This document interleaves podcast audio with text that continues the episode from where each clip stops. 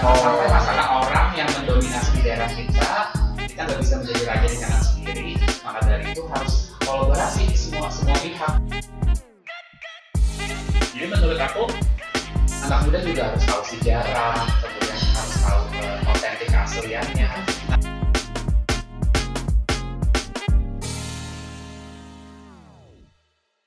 Halo semuanya, kembali lagi kita di Mana Lagi Podcast. Nah, kali ini kita uh, lagi kumpul-kumpul nih bareng salah satu chef yang ternama banget di Banjarmasin. Kalian pasti tahu siapa. Di sini ada aku Flora, ada Ali, dan ada juga Rizka. Halo. Dan uh, we wanna welcome our guest, Chef Agus Sasirangan. Yeay. apa kabar Baik, Halo. Chef. Iya. alhamdulillah baik sehat Sehat ya. gimana sehat Alhamdulillah ya. Jadi selama pandemi chef ngapain aja nih? Eh, yang pastinya sih terus berpikir gimana bisa survive ya. Hmm. Jadi tentunya dengan dengan ya dengan bidang di bidang kuliner apa yang bisa diekspor lebih lebih luas lagi walaupun cuma dari rumah ya yang kemarin sempat jualan online di daunan terus juga sekarang jadi kayak konten kreator juga kayak Wah. kalian Kita masih kecil. Masih growing ya awal-awal. bikin konsep kemudian eh, bikin program baik distribusinya ke Instagram maupun ke YouTube jadi itu sih terus eh, ada beberapa endorsean terus kita kolaps bikin bikin konten gitu sih Eh, intinya sih kaitannya masih dengan ruang lingkupnya memasak Tetap kuliner. Oh, Masak Iya, ya. tetap kuliner Hmm. Eh, jadi kita sebelum ngomongin kegiatan yang chef lagi jalanin, kita pengen balik lagi nih ke tahun 2011 11 kalau chef 2011, ingat ya. iya. Jadi tahun 2011 kan chef ikut Master Chef Indonesia season 1 tuh. Hmm. Nah, jadi eh, kayak semua orang tahu itu tuh di Banjarmasin ya. tuh ribut banget semuanya ribut. Kayak, wow, bisa kira, gitu ya. masih masih yang masih SD atau masih SMP. SMP, SMP, SMP. itu ribut banget semuanya saya aja tuh final tuh nonton sendiri melihat di TV sholat di Sama sama Lucky, Lucky ya, Lucky. Iya. Lucky ya. Lucky. Iya, Chef Lucky. Ya, nah jadi uh, balik lagi ke tahun 2011 uh, kita pengen penasaran aja sih kayak Iya. dari karir yang sebegitu Boom ya. boomnya dengan karir yang peluang di sana sebegitu uh, besarnya pertanyaan kita kenapa sih balik kenapa balik ke Banjarmasin Chef? Ada apa yang di Banjarmasin gitu ya? Oke, jadi eh, sebetulnya ketika after dari MasterChef itu kan banyak sekali apresiasi dari beberapa eh, daerah. Salah satunya kan aku kebetulan kan alumni Universitas Negeri Malang. Oh, Jadi, orang Malang juga ya. eh, dulu sempat diundang Pak Rektor, kemudian eh, di hadapan 7.000 undangan pada saat eh, aku ngasih orasi gitu ya. Di situ Pak Rektor ngasih tawaran beasiswa S2 sampai ke luar negeri, tapi syaratnya harus jadi dosen di Malang. Iya. Kemudian eh, kampus UI nelponin RCTI, eh, sorry kampus Trisakti nelponin RCTI mengasih apresiasi aku S2 juga Hmm. kuliah di Jakarta tapi syaratnya harus eh, jadi dosen. Hmm. Nah, eh, aku berpikir sih eh, ketika aku harus menetap di daerah orang berarti aku harus eh, mengembangkan yang namanya daerah orang Hmm. dan eh, sebetulnya kemarin itu tidak memutuskan untuk menetap di Banjarmasin tapi aku juga sebetulnya masih mengambil kesempatan-kesempatan di Jakarta. Hmm, I cuma hanya saja ketika setelah selesai Master Chef itu aku tidak memilih untuk menjadi PNS pada saat itu. Oh. karena kan eh, statusnya kan honorer sekolah. Dan aku tipikal yang orang yang terus mau belajar dan kalau misalnya aku stuck eh, stuck di satu instansi ya udah ruang lingkupnya cuma ngajar jadi guru ketemu siswa aku nggak bakal berkembang gitu. Hmm. makanya aku akhirnya memutuskan untuk tidak jadi PNS dan aku mengambil pengalaman eh, banyak di luar sehingga apa yang aku dapat di luar sana bisa aku bawa ke Banjarmasin nah sebetulnya kenapa aku memilih untuk stay di daerah karena aku merasa aku aset Kalimantan Selatan gitu Iya. Oh. Kita ini aset gitu ya. Ya, jangan sampai yang menjadi aset itu diambil oleh daerah lain. Hmm. Jadi walaupun mungkin pada saat itu eh, banyak cerita, mungkin banyak eh, perjuangan yang kadang-kadang merasa kayak kurang diapresiasi gitu. Hmm. Kan dulu kan sempat orang RCTI nanya, wah siapa kamu dapat penghargaan apa nih dari Pak Gubernur dikasih rumah kah, umroh, haji bilang dalam hati aku bahasanya nggak ada sama sekali gitu loh. Cuman eh, ya udahlah maksudnya eh, aku nggak berharap yang namanya bentuk apresiasi sekarang gimana caranya aku bisa bisa mengembangkan daerahku. Dan mungkin eh, ketika orang berlomba-lomba pengen dapat beasiswa terus kenapa Agus nggak ngambil beasiswa itu kan mungkin akan menjadi satu pilihan yang bodoh buat sebagian orang. Hmm. tapi aku tidak menyesali itu karena bagiku hidup adalah pilihan aku harus memilih di antara dua itu. Dan aku berpikir gimana caranya aku bisa mengembangkan apa pun yang berpotensi dari daerah dan ternyata pun kalau ketika aku memilih untuk stay di daerah ya mungkin kalau aku dulu kuliah di Jawa tidak ada yang namanya yayasan yayasan tinggi jasa sirangan Hmm. tidak ada yang namanya mie banjir kemudian eh, dan produk-produk yang lain gitu. Jadi aku lebih eh, bisa mensyukuri sih intinya eh, apa yang aku lakukan di 9 tahun terakhir ini benar-benar bisa membawa yang namanya sasirangan Hmm. bisa menasional kemudian masakan Banjar bahkan juga bisa aku demoin sampai ke luar negeri juga itu sih yang yang, yang aku rasakan dari apa yang aku pilih di pilihan sekarang Hmm. Mewakili gitu Oke ya. oke Banjarmasin. berarti uh, dari yang saya tangkap ini ya. Ah. Jadi sebenarnya di di Banjarmasin tuh ada juga uh, peluangnya. Tapi uh, dari yang selama ini yang chef uh, jalanin itu sebenarnya apakah peluangnya tuh kita tuh bisa tetap berkarya di Banjarmasin dengan peluang yang ada di Banjarmasin atau chef tetap kayak oke ini sebenarnya se- kita tinggal di Banjarmasin tapi peluangnya sebenarnya tetap ada di kayak misalnya di kota-kota besar di Jawa. Itu gimana ya chef? Dari chef yang pengalaman selama 9 tahun ini Jadi sebetulnya gini, kalau aku sih sebetulnya menyarankan eh, ketika kita dapat kesempatan untuk studi misalnya keluar, Hmm. entah itu mungkin ke Pulau Jawa atau mungkin bahkan ke luar negeri, itu sangat mempengaruhi perkembangan seseorang gitu mindset dan sebagainya.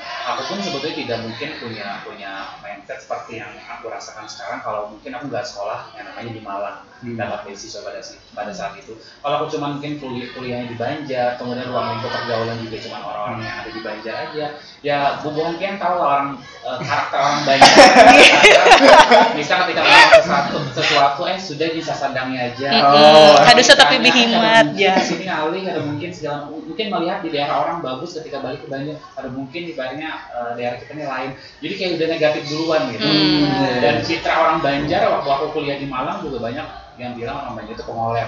Ah, Oh, iya, Iya. benar. Memang kan mungkin yang terlihat besarnya seperti itu. Cuman aku berjuang gimana caranya. Aku sebetulnya bukan orang Banjar yang ngoler gitu loh. Oh, ya, iya, mematahkan iya. stigma itu ya. Iya, ketika aku pernah jadi pembicara di hadapan 300 audiens di Jawa gitu ya. Itu yang membuat aku bangga nih salah satu contoh orang Banjar yang sebetulnya ada pengoler. Hmm. Jadi eh, di Ban- jadi kalau misalnya ada, ada kesempatan untuk kuliah di Jawa, menurutku eh, itu bagus banget buat diambil. Hmm. Jadi kalau bisa dapat beasiswa atau mungkin orang tuanya mampu, mending kuliahnya di Jawa deh.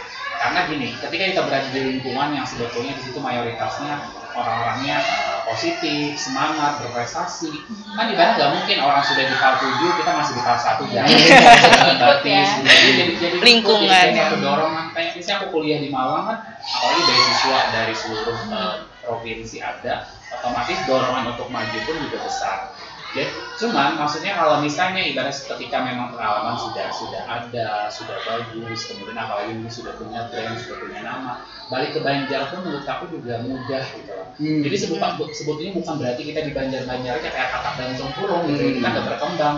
Tapi kita juga harus mengambil kesempatan untuk keluar, minimal banget untuk kita belajar, nyari pengalaman, nyari ilmu, nyari link atau mungkin ngebangun nama. Nah balik ke daerahnya pun menurut aku ketika memang segala sesuatu udah siap Iya. dalam arti mungkin pengalaman sudah ada, ilmu sudah ada, link juga udah ada, modal udah ada, sehingga kan gampang untuk melakukan sesuatu. Hmm, Tapi Prepare kalau gitu ya. misalnya kita misalnya dapat, misalnya ikut lomba nih di Jakarta juara satu eh, tingkat nasional, itu kan suatu prestasi yang luar biasa. Tapi ketika ibarat dapat beasiswa udah dia nggak bisa di Banjar dia nggak diambil beasiswa itu ya udah nggak berkembang. Hmm. Maksud itu kan ada beberapa contoh juga siswa aku seperti itu.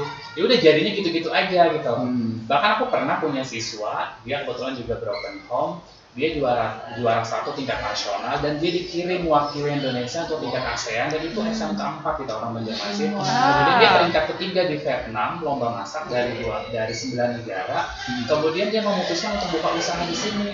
Aku bilang ngapain buka usaha di sini? Kamu ini udah skalanya udah tingkat ASEAN. Internasional ya. Kamu ambil beasiswa dari lomba itu, akhirnya dia nurutin ngambil beasiswa kuliah di eh, di Jakarta dan sekarang dia ng- ngambil pengalaman kerja di di Dubai gitu loh. Wow. Aku bilang kalau misalnya sudah beberapa tahun di Dubai, Keren. balik ke Banjar, oke kamu mau ngembangin apa? Karena kamu udah punya modal dan punya pengalaman. Iya. Kalau kamu cuma plek sama kompetisi habis balik ke Banjar, ya kamu nggak diapresiasi. Hmm, Bener-bener Ya, sih. Itu sih aku mikirnya. Iya. Lebih- Sini paling penting kayaknya mindset itu dulu Iya. ya. Kayak eh, kamu tuh harus ya kejar tuntutlah ilmu sampai ke negeri Cina, tapi jangan lupa balik ke tempat asal kayak gitu. Hmm. Dan juga harus si- prepare sih. Betul. Iya. Buat kita bisa lebih eh, punya, Matang punya gitu. modal untuk Hmm. mengembangkan daerah kita kan maksudnya nggak hanya modal ilmu tapi juga modal. Bener-bener. Iya. Bener-bener. Nah mumpung mumpung lagi ada chef nih bisa nih kita kita sebenarnya lagi pengen nanya-nanya lebih kayak uh, chef kan udah berpengalaman sama 9 tahun di dunia uh, food food and beverage culinary lah ya. Nah jadi kita sebenarnya uh, pengen tahu nih di di Banjarmasin itu kan kayak banyak banget sekarang kayak ada mungkin konsep-konsep kayak di Jakarta ada cloud kitchen dan lain-lain ada konsep kayak misalnya kayak chef lagi chef sendiri kayak uh, se- sedekah resep. Nah, yang di Banjarmasin itu yang lagi mau yang bagus banget tuh di bidang kuliner itu apa sih chef? Konsep-konsep model bisnis gimana sih chef di food and beverage? Ya, jadi eh, sebetulnya sih kalau kita ngobrol kuliner kan banyak dulu kan orang Banjar tuh paham dengan sesuatu yang baru. Oh. Jadi misalnya kayak ada baru dari Jakarta di Wow, ya. Cuma menurut aku kan yang sifatnya eh, tren itu kan ada ada ada umurnya ya. Hmm, Maksudnya kita juga kalau ngikutin tren kan gak ada habisnya. Hmm. Itu lebih oke lagi kalau kita yang ngebangun tren itu sendiri. Iya. Jika ada yang ngikutin kan tren itu habis kita masih bisa bertahan. Hmm. Kalau aku pribadi sih sebetulnya eh, aku sih lebih suka kayak eh, yang lokal sebetulnya lebih lebih seksi gitu. Maksudnya Hmm. orang kita tuh authentic ya. primitif ya. Maksudnya gini ibaratnya eh, kayak kamu misalnya lama di Singapura anggapnya eh, dua minggu atau mungkin satu bulan pasti kan balik ke Indonesia kan kangen dengan nasi padang Iya. kangen dengan soto banjar Bener. Nah, maksudnya itu it- itu aja untuk orang lokal sendiri gitu Hmm. maksudnya untuk wisatawan juga kan apalagi dalam tujuh sampai ke sana ada yang ada yang namanya kenangan orang banyak yang maksudnya pengen balik lagi ke Banjar untuk karena makanannya. Iya, karena eh, kangen dengan sari patin. Ada orang yang di daerah-daerah sakit eh, di Jakarta kemudian dia cuma pengen makan lontong orari gitu. Jadi sebetulnya eh, potensi yang berbau autent- autentik lokal itu sih nggak pernah mati Nggak pernah mati. Jadi ini kalau bisa kita nggak usah nggak usah neko-neko lah orang dengan dengan dengan dengan konsep yang wah tapi ternyata dengan dengan usaha 2-3 bulan ternyata eh, tutup misalnya. Tapi kata kalau kita lihat misalnya kayak Bang Ahmad, apa sih yang membuat dia bisa bertahan Iya. dengan Hmm. usia puluhan tahun, kemudian eh, saripati, nonton orari dan lain sebagainya. Jadi menurut aku, kalau aku sih sebenarnya motivasi anak muda tuh eh, lebih aware aja gitu loh terhadap lokal kita. Oh. Jadi, Menyadari. mm, kita sebetulnya nggak menyalahkan anak muda kenapa sih lebih tertarik dengan sesuatu yang kekinian. Mhm. Mereka mereka menurutku masih belum kebuka aja sebetulnya apa sih yang berpotensi dari daerah kita.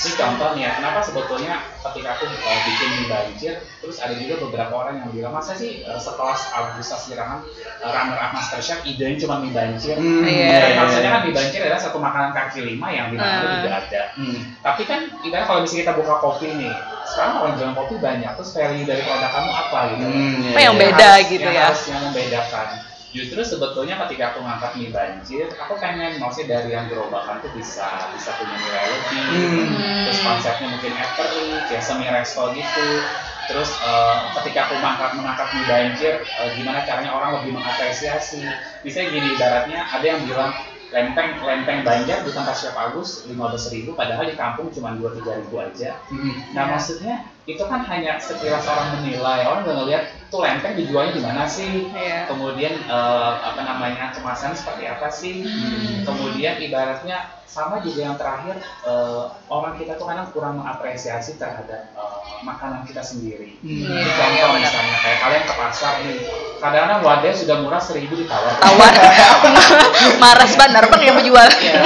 Kalian kalau misalnya nongkrong di Jeko atau mungkin di Starbucks atau mungkin di Pizza Hut, puluhan ribu aja dibayar. Benar benar benar. ada satu kampung gitu ya di China mereka di sana makanan lokal itu jauh lebih mahal dibanding makanan pendatang Ah. itu eh, aku dulu pernah eh, jadi pembicara di Malang dengan salah satu orang yang pernah Cina. ber- eh, tinggal di Cina keren ya maksudnya ternyata di sana di satu kampung itu masakan daerah benar-benar diapresiasi. Jadi sebetulnya aku sih menyampaikan peluang untuk mengangkat makanan lokal itu jauh lebih banyak. Itu kan baru di banjir tuh yang di branding. Mm-mm. Mungkin nanti Masih eh, banyak lagi. ada misalnya iya yang membranding misalnya ketupat kandangan, membranding misalnya wadah papare, membranding misalnya kaki cap, bintaro karuang. Kita punya 41, 41 macam wadah khas Banyak Bali, bisa ya. jadi 41 eh, macam brand, Brand. usaha gitu. Hmm. Bisa gini, banyak kayak bintaro karuang, tahu bintaro karuang? Tahu. Tahu. itu kan kalau misalnya misalnya dijual di- dalam satu kendi atau dalam satu wadah tradisional dijualnya di mall panas-panas cupnya juga menarik. Maksudnya akhirnya naik kelas gitu. Iya, Ya, high- ya. atau lempeng bukan berarti disajiin yang kayak kalau, kalau ditapkan ke muka saking gak naik.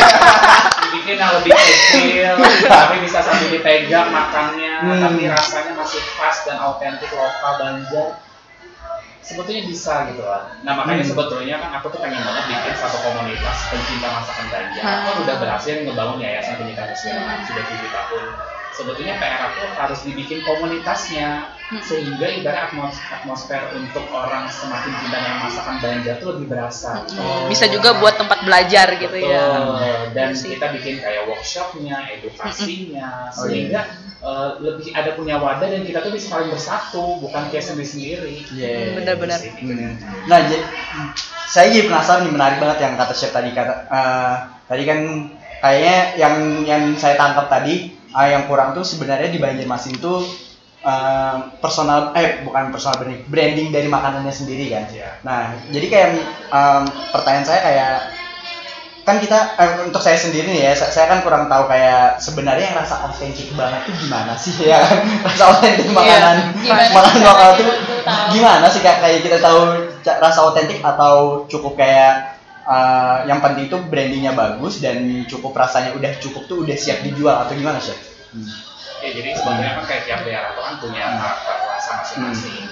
Eh, misalnya kayak di Jawa itu kan identik, misalnya Jogja identik dengan masakan yang bercita rasa manis. Hmm. Sebetulnya kalau kita ngobrol sejarah itu kan panjang. Hmm. Mereka itu salah satunya eh, dulu dijajah sama orang Belanda dan disuruh menanam salah satunya tebu gula merah. Ah. Belajar sejarah kita juga Iya, ini. akhirnya ketika dulu eh, sempat eh, maksudnya eh, orang-orang di sana saking miskinnya makanan yang diolah itu basically bahan dasarnya adalah tebu. Tebu, Sehingga ya. kita rasa itu kan kebentuk.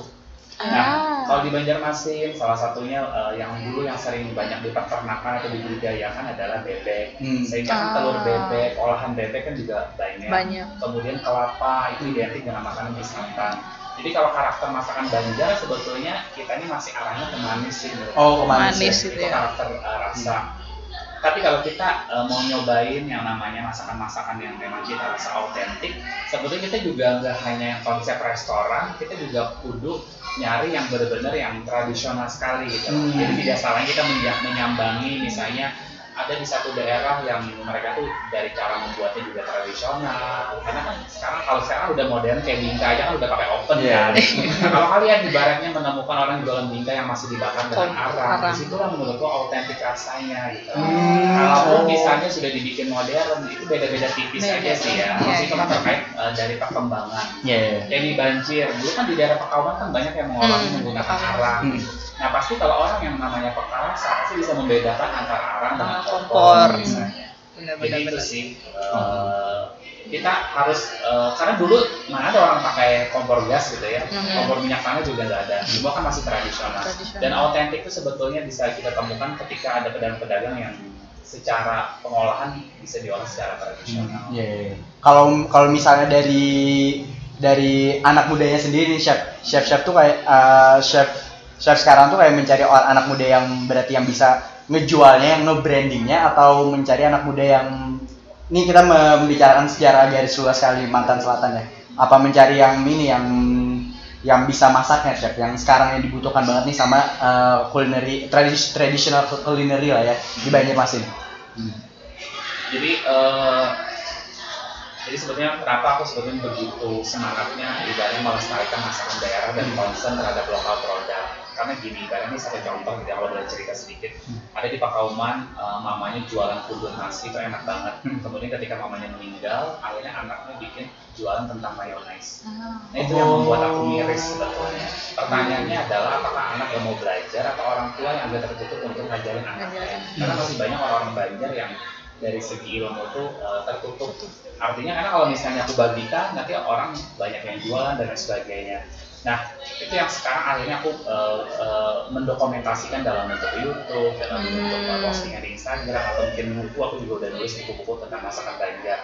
Jadi sebetulnya uh, start awalnya itu kita harus uh, cari dulu nih standarisasi dari masakan itu. Oh, oke. Jadi jangan sampai kadang-kadang anak muda juga saking saking kerennya ibaratnya melupakan otentik aslinya seperti Aslinya. apa. Yeah. Sama ketika aku menulis buku tentang warisan rasa, aku tidak mengatakan buku warisan rasa itu adalah buku yang benar-benar asli masakan Banjar. Karena riset aku juga bertahun-tahun gitu loh. Riset aku ke guru tata boga, ke orang pelaku kuliner, ke mamaku yang juga jual masakan Banjar. Dan aku yang namanya aku master chef, jadi aku mencoba menjadi penengah dari beberapa persepsi itu. Sehingga lahirlah buku warisan rasa. Jadi eh, ini yang yang yang aku eh, aku kumpulin risetnya, akhirnya aku bentuklah buku warisan rasa itu tentang masakan Banjar. Jadi menurut aku anak muda juga harus tahu sejarah, kemudian harus tahu eh, otentik keasliannya.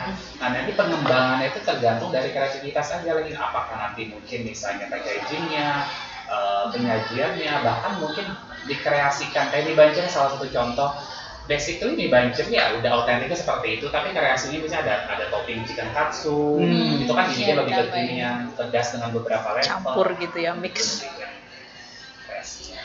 Se- selama ini selama chef kan udah bangun banyak restoran nih yang seperti di Banjir sama di Banjarbaru. Nah, eh, buat teman-teman itu misalnya mereka mau terjun ke dunia kuliner entah sebagai chef atau sebagai owner, menurut eh, chef sendiri misalnya eh, dengan orang yang punya passion memasak itu apakah dia lebih eh, bagus peluangnya sebagai chef gitu? kerjanya misalnya kerja sama dengan orang lain misalnya sebagai chef di hotel atau chef di restoran atau uh, membuka sendiri. peluang sendiri dan kalau membuka peluang sendiri juga first thing to do-nya apa sih yang harus dilakuin Kalau aku sih mikirnya sih eh, kita tuh juga nggak bisa apa ya egois. Jadi menurutku pengalaman tuh penting banget. Karena aku juga aku juga dulu ya eh, pada saat kuliah di Malang pun aku pernah jualan di pinggir jalan. Aku pernah jadi pelayan di salah satu restoran. Aku pernah jadi manajer di salah satu restoran. Itu prosesnya benar-benar aku, aku aku lewati gitu. Jadi eh, kadang-kadang orang Banjar itu yang gak bagus tuh eh, karakternya menurutku mereka tuh yang dari segi kerja tuh mobile, jadi kayak pindah-pindah. Jadi kayak ada hotel baru pindah, hotel baru pindah. Karena, karena lebih kayak cuma pengen keren-kerenan aja. Hmm. Sebetulnya kan itu kan eh, budaya seperti itu kan kurang bagus. Kenapa sih kita nggak nyari pengalaman bisa dua tahun fokus di hotel ini? Ketika kita mau upgrade skill, kita harus milih hotel yang lebih bagus lagi. Jadi menurut aku eh, penting banget harus nyari pengalaman dulu.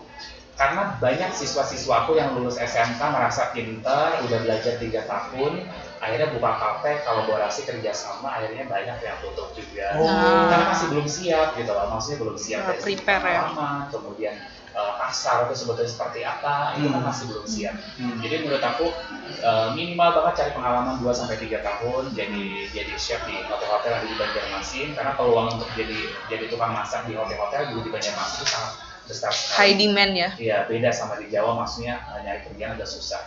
Nah, kemudian yang perlu dipersiapkan ya balik lagi sih sebetulnya harus kenal karakter orang Banjar seperti apa. Karena orang Banjar ini kan juga susah-susah ditebak, maksudnya latahan. Ada yang baru buka rame, tapi setelah itu ditinggal gitu. Hmm. Gimana caranya biar kita juga bi- eh, punya loyal customer.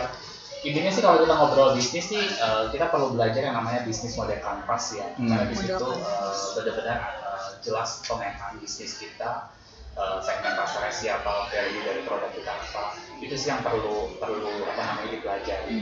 Aku sih pengennya sih untuk meminimalkan yang namanya kegagalan itu ya harus belajar dari pengalaman harus punya konsep juga segala sesuatunya dari modal dan sebagainya. Juga harus siap kalaupun mau kolaborasi kerjasama juga eh, harus sangat jelas karena kadang-kadang banyak kepala pun juga kan Iya, belajar dari bingung. pengalaman juga susah gitu. Ngambil keputusan. Uh, intinya sih yang sebetulnya gini, ketika jualan kopi harus benar-benar tahu tentang kopi.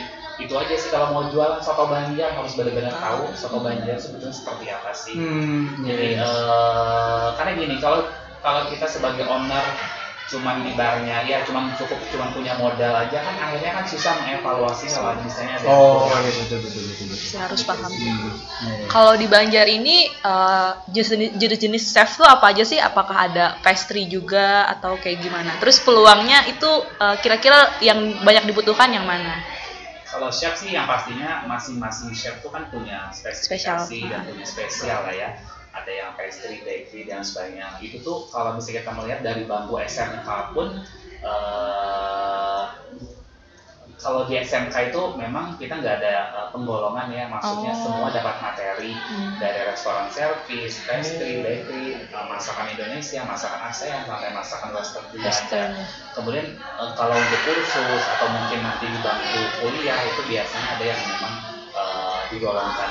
Nah itu sebetulnya seiring berjalan itu kan mulai kebentuk kalau Ah. kita memang mengikuti dari pendidikan mungkin dari SMA Awal dulu. gitu ya. Di situ kita tahu oh kita ini arahnya ke mana nih. Mm-mm. Karena kan ibaratnya untuk pastry nggak semua chef suka di pastry. Iya. Kan ibaratnya kadang kan itu kebanyakan kan kaum kaum perempuan yang suka sesuatu yang detail cantik Oh segala iya. macam. Hmm. Jadi eh, kalau aku pribadi sebetulnya lebih ke tradisional food, Traditional atau mungkin, food, eh, ya. Indonesian foodnya. Kalau di Banjarmasin sebetulnya eh, semua peluang itu bagus sih, semua peluang itu Semua bagus. Artinya kalau misalnya pastry kan tidak melulu sesuatu yang modern kan. Pastry pun sebetulnya kayak kue tradisional juga masuk bisa. pastry juga. iya. Bingka segala macam masuk pastry juga. Kemudian kalau masuk bakery, kayak wadah jamu juga masuk bakery juga kan yang roti. Iya, udah kalau gembong. misalnya antara yang tradisional kemudian sesekali dimodernkan itu gini sekarang banyak tuh kue-kue artis yang dulu kan main pastry Ah, iya. nah ibaratnya basically misalnya pa pastry tapi di dalamnya adonan bingka misalnya Hmm. ada yang nggak mungkin Iya. gitu artinya Inovasi. lokalnya masih ada tapi eh, dimodernkan Gimana cara kreatif aja gitu. Iya. Iya, benar sih. Menggabungin eh, antara lokal dan modernnya Iya. gitu ya. Biar membawa nilai. Oh ya, terus kan sekarang chef juga eh, rajin ya bikin konten buat bagi-bagi resep yang ada di kita lihat juga yang sedekah resep itu. Nah, em, untuk orang Banjar sendiri, kalau misalnya ada orang nih dia pengen saya berminat nih untuk jadi content creator bagi-bagi resep kayak gitu kan chef. Eh, itu orang Banjar tuh sukanya yang, yang gimana sih? Apakah mereka tuh suka resep tuh sebenarnya yang simple, yang gampang? Kan ada tuh kayak di YouTube misalnya cara bikin One minute video. one minute video omelet omelet doang kayak gitu atau yang malah diminati tuh memang yang eh, agak Beristilah agak- gitu ya. iya agak gimana ya Yang se seharian lah. lah. kayak gitu Iya, iya. yang kayak gimana tuh apa yang benar-benar aneh kombinasinya kayak gitu kalau orang Banjar sih menurut aku eh, masih didominan orang-orang yang memang kan eh, kita ini kadang tipikal orang yang kadang kurang mau belajar untuk makanan yang lain. Ah. Bisa gini contoh nih, ketika or- orang kita nih bisa keluar daerah, anggapnya ke Makassar, masa nyarinya soto Banjar sih makannya? Artinya Makassar. nggak mau. ya, Emang kayak gitu, Seth? menurut aku kebanyakan kayak gitu masa kayak rombongan-rombongan orang dinas jadi mereka untuk mengenal masakan yang baru itu Kayak Dan sulit gitu ya. iya nggak mau belajar gitu loh kalau aku kan ibaratnya setiap aku ke mana justru masakan daerah itu lebih lebih bikin aku penasaran gitu Iya, iya, benar. kan kayak ke Jakarta harusnya ya udah harusnya nyari soto Betawi dan nyarinya misalnya uh, nasi Soto. Banjar. ibaratnya nyarinya kayak masakan Banjar ini contoh misalnya kayak orang umroh naik haji orang banyak sampai bawa magic Nasi kuning. bawa beras sendiri Iwak telang. Bawa Iwak telang ya juga. Ya, Iya. aku pernah umroh tuh jadi aku tuh eh, orang-orang Banjar itu kayak jadi kayak repot sendiri gitu. Oh. Maksudnya Ya itu itu orang Banjar aja atau seluruh Indonesia? Eh ra- menurutku Kebanyakan. relatif memang orang Banjar. sih, Oh, iya. Yang terlalu panas. Dan akhirnya mereka tidak menikmati eh, perjalanan itu yang Hmm. harusnya misalnya fokusnya ke ibadah malah sibuk masak masak. Ibarat kayak ma ma ma mengubuk indung mie soto Banjar segala macam. Nah akhirnya balik lagi ibarat ke konten sedekah resep kadang-kadang kita tuh uh, kurang mau menantang diri kita untuk belajar sesuatu yang baru gitu. Mereka lebih ibarat lebih kayak mau meng- meng- mengolah yang mungkin Udah. bagi mereka itu familiar, mudah dari segi bahan baku. Hmm. Tapi kalau kita kayak sodorin sesuatu sesuatu yang baru itu kadang-kadang uh, hanya orang-orang tertentu aja. Hmm.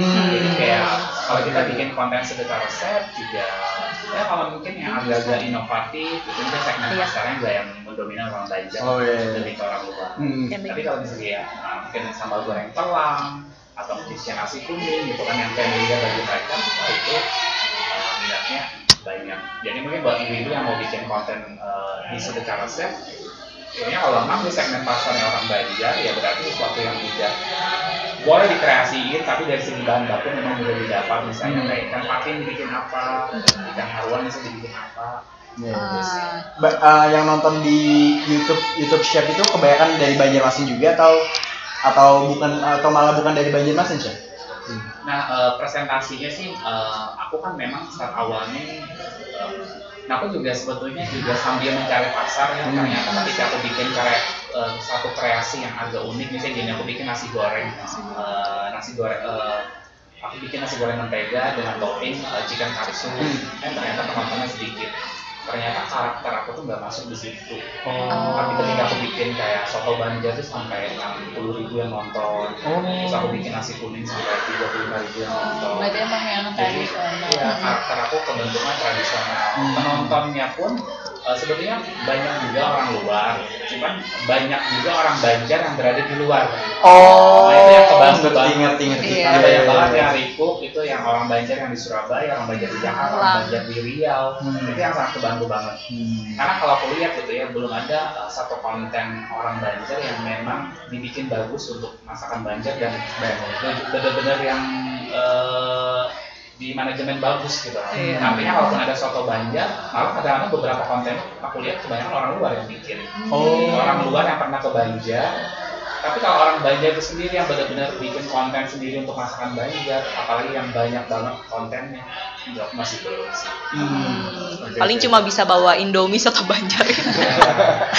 bawa gitu ya. Peluangnya masih bagus. Makanya kemarin start bikin YouTube itu aku ngambil soto Banjar duluan, nasi kuning ke tempat kamera sama Hmm, nasi kuning Itu penontonnya Iya, iya. dua ribu ya. Soto Banjar sih yang paling tinggi. Soto Dari situ kita bisa melihat ternyata memang uh, masakan Banjar yang populer pasti penontonnya jauh lebih banyak. Oh, Oke, I see. Terus bisa eh, di sini. apa namanya kan itu kita belajar lewat YouTube ya. Terus ada nggak sih tempat di Banjar ini yang kayak buka kelas kayak gitu? Ada nggak tempatnya? Kalau di Banjar sih menurut aku ada beberapa kursus itu di toko-toko kue gitu ya. Oh, toko-toko Kayak kue. Si uh, kalau nggak salah. Cuman mereka kebanyakan ngambil materi atau materi dari luar dan materi yang diberikan pun juga lebih kayak makanan-makanan, maksudnya kue-kue kekinian juga. Hmm. Jadi yang kalau yang lokalnya sih belum. Jadi memang aku juga sudah banyak dapat dorongan sih dari teman-teman di Kalsel, siapa tahu sih bikin kelas masak. Sebetulnya eh, kalau pernah ngeliat posting aku di Instagram, aku pernah posting di samping rumah itu aku mau bikin mimpi besar, aku mau bikin warisan rasa eh, cooking studio. Ah, Jadi- menarik nih. itu kan warisan rasa itu kan berawal dari buku ke-14 aku yang mana itu uh, resep peninggalan almarhumah mama dan itu malah buku masakan Banjar pertama di Kalsel yang juga kemarin pernah uh, dibagikan ke 40 duta besar kan pada saat hari pangan sedunia jadi sebetulnya uh, dari buku uh, mimpi besar itu adalah dibangunnya sebuah cooking studio dan aku pengen pengen menjadikan sebetulnya sekolah masak tuh itu ruhnya almarhumah mamaku gitu Hmm, dan itu itulah bayangkan. nanti sebetulnya kita concern untuk memberikan uh, materi uh, Masak-masak gitu ya. bahkan sebetulnya aku pengen uh, mimpi besarku uh, kasih beasiswa ke para kepada para pedagang kaki lima untuk belajar masak di sana Amin. jadi kita sebetulnya kalau pernah kalau emang belajar sekolah masak uh, banyak orang pedagang tuh nggak ngerti uh, ngitung uh, BIP-nya kayak gimana Hmm, iya. itu harga jual seperti apa. Nah maksudku kalau emang kita bisa bikin kelas seperti itu, alangkah baiknya kalau kita ngasih pembelajaran ke orang-orang yang jual di, di pinggir jalan, dia belajar cara ngitung harga jual. Iya. Maksudnya biar uh, untung ruginya jelas. Iya. Itu sih yang yang pengen dari kelas kelas.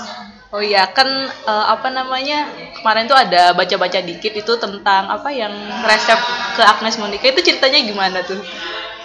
Ya, Menarik jadi banget memang banyak banyak pertanyaan media gitu ya. Oh, saya tahu aku Eh. sampai waktu keluar uh, dipanggil jadi ini konsultan dari uh, dari restoran Agnes Monica itu uh, sekitar 40 uh, food blogger dan media di Jakarta itu orang Banjar sih gitu ya. Banyak masakan- Kok di masakan orang Banjar ya? Di, di, di- itu adalah masakan uh, Manado dan juga beberapa uh, masakan uh, luar.